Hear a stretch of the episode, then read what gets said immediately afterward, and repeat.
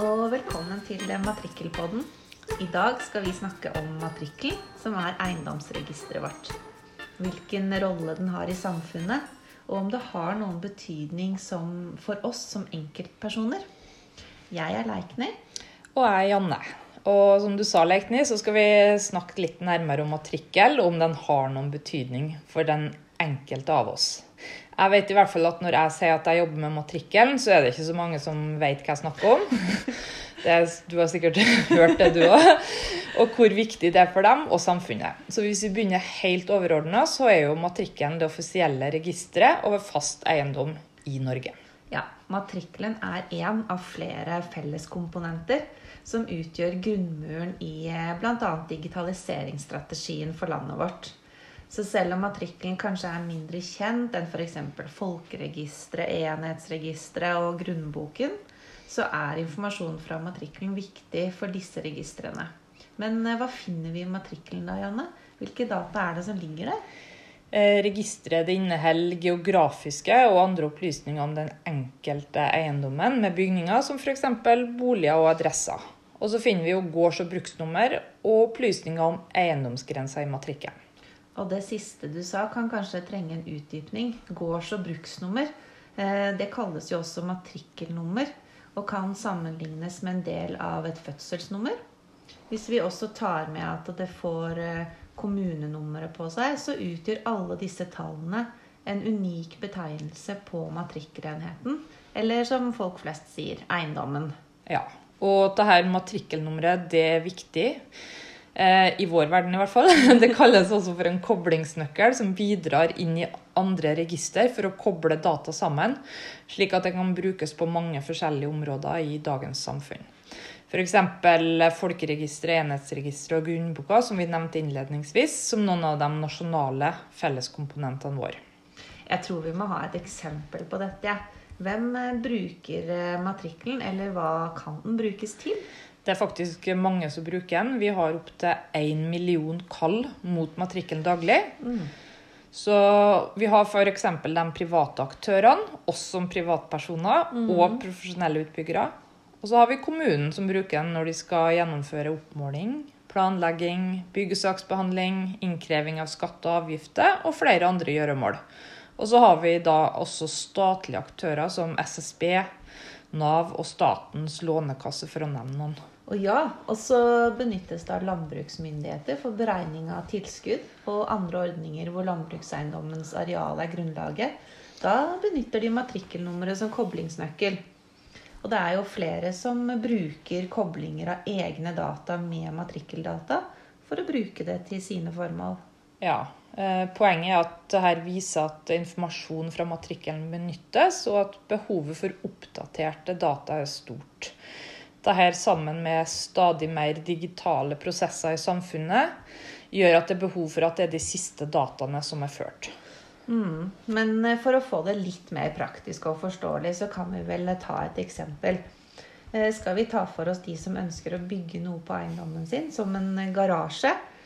Det er eh, regler i plan- og bygningsloven som kommer inn, eh, og det må jo søkes om lov fra kommunen.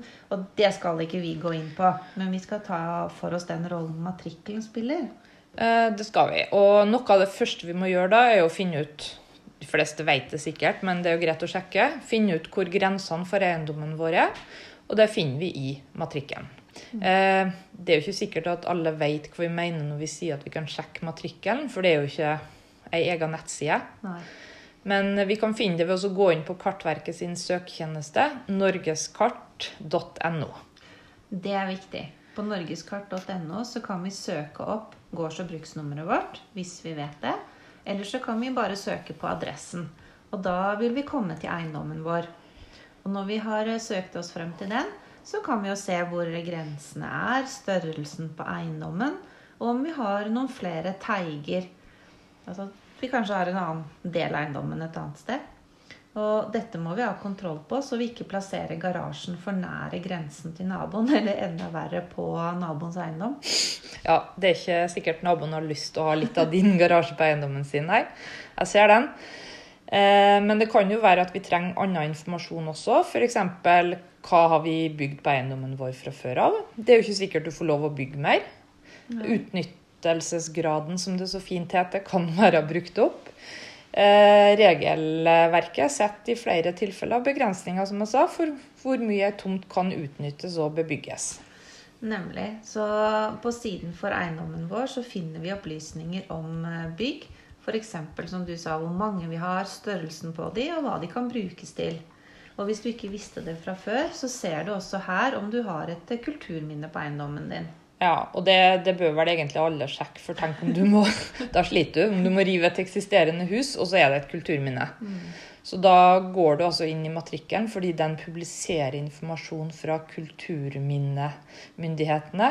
Nå klarte jeg å si det riktig, og da kan du få den kunnskapen. Ja, og En annen morsom opplysning er jo bruksnavnet, altså hva eiendommen heter. Mange eiendommer har jo navn, og min heter Utsikten. Det gjør faktisk eh, min òg. Så jeg vet ikke hva det sier om originaliteten, men eh, det kan jo faktisk folk sjekke ut om sin egen eiendom også. Eh, men det her, du trenger jo ikke vite det for å bygge en garasje, da. Det skal sies. Nei. På søknaden om garasje til kommunen så er det matrikkelnummeret vi skal oppgi. Skal vi ta for oss noe mer gøy som vi finner i matrikkelen? F.eks. adresse. Der har jo du noen relevante eksempler. Ja, det har jeg vel. Så vi kan jo begynne med det aller viktigste først. Ja. og Dersom du blir alvorlig syk, så er det jo viktig at ambulansen finner frem til adressen din. Mm. Eh, av andre, andre, litt mindre viktige eksempel så kan vi jo nevne at det er greit at pizzaen du har bestilt, faktisk kommer fram hjem til deg, og ikke til noen andre. Og så har du jo nettshopping, da, som de fleste av oss uh, gjør stadig mer av. Budbilene kjører etter GPS, og du vil jo at den fancy veska eller de fine skoene dine skal bli levert på riktig dør. Det vil vi gjerne, og pizzaen er jo best varm. Og det er i matrikkelen adressene blir til, for så å benyttes videre av f.eks. folkeregisteret. Og det er også i matrikkelen koordinaten for adressen er registrert, og det er denne ambulansen og andre bruker i GPS-en sin for å finne fram.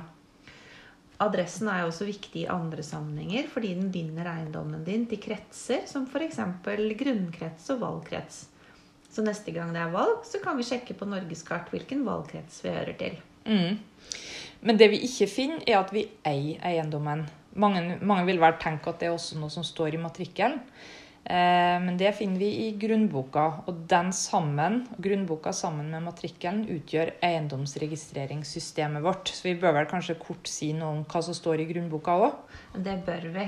Eh, grunnboken er også et offentlig register, og det viser tinglyste rettigheter og forpliktelser i eiendom.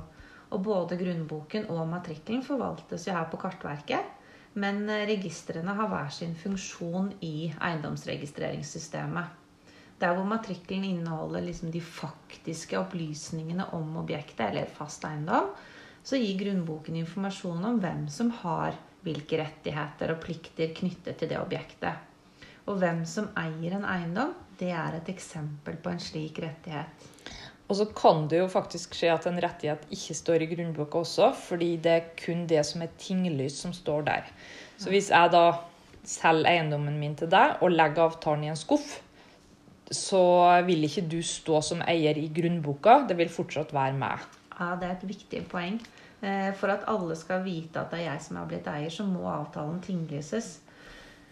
Eh, fordi matrikkelen fungerer som en koblingsnøkkel, så finner du også denne informasjonen via matrikkelen på Norgeskart ved å trykke på 'Vis grunnbok'. Men da må du logge inn med din ID. Da er det vel på tide å avslutte.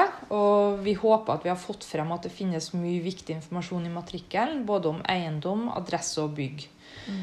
Og for at registeret vårt skal fungere etter sitt formål, så må det være kvalitet i alle deler. Og de spiller sammen og er avhengig av hverandre.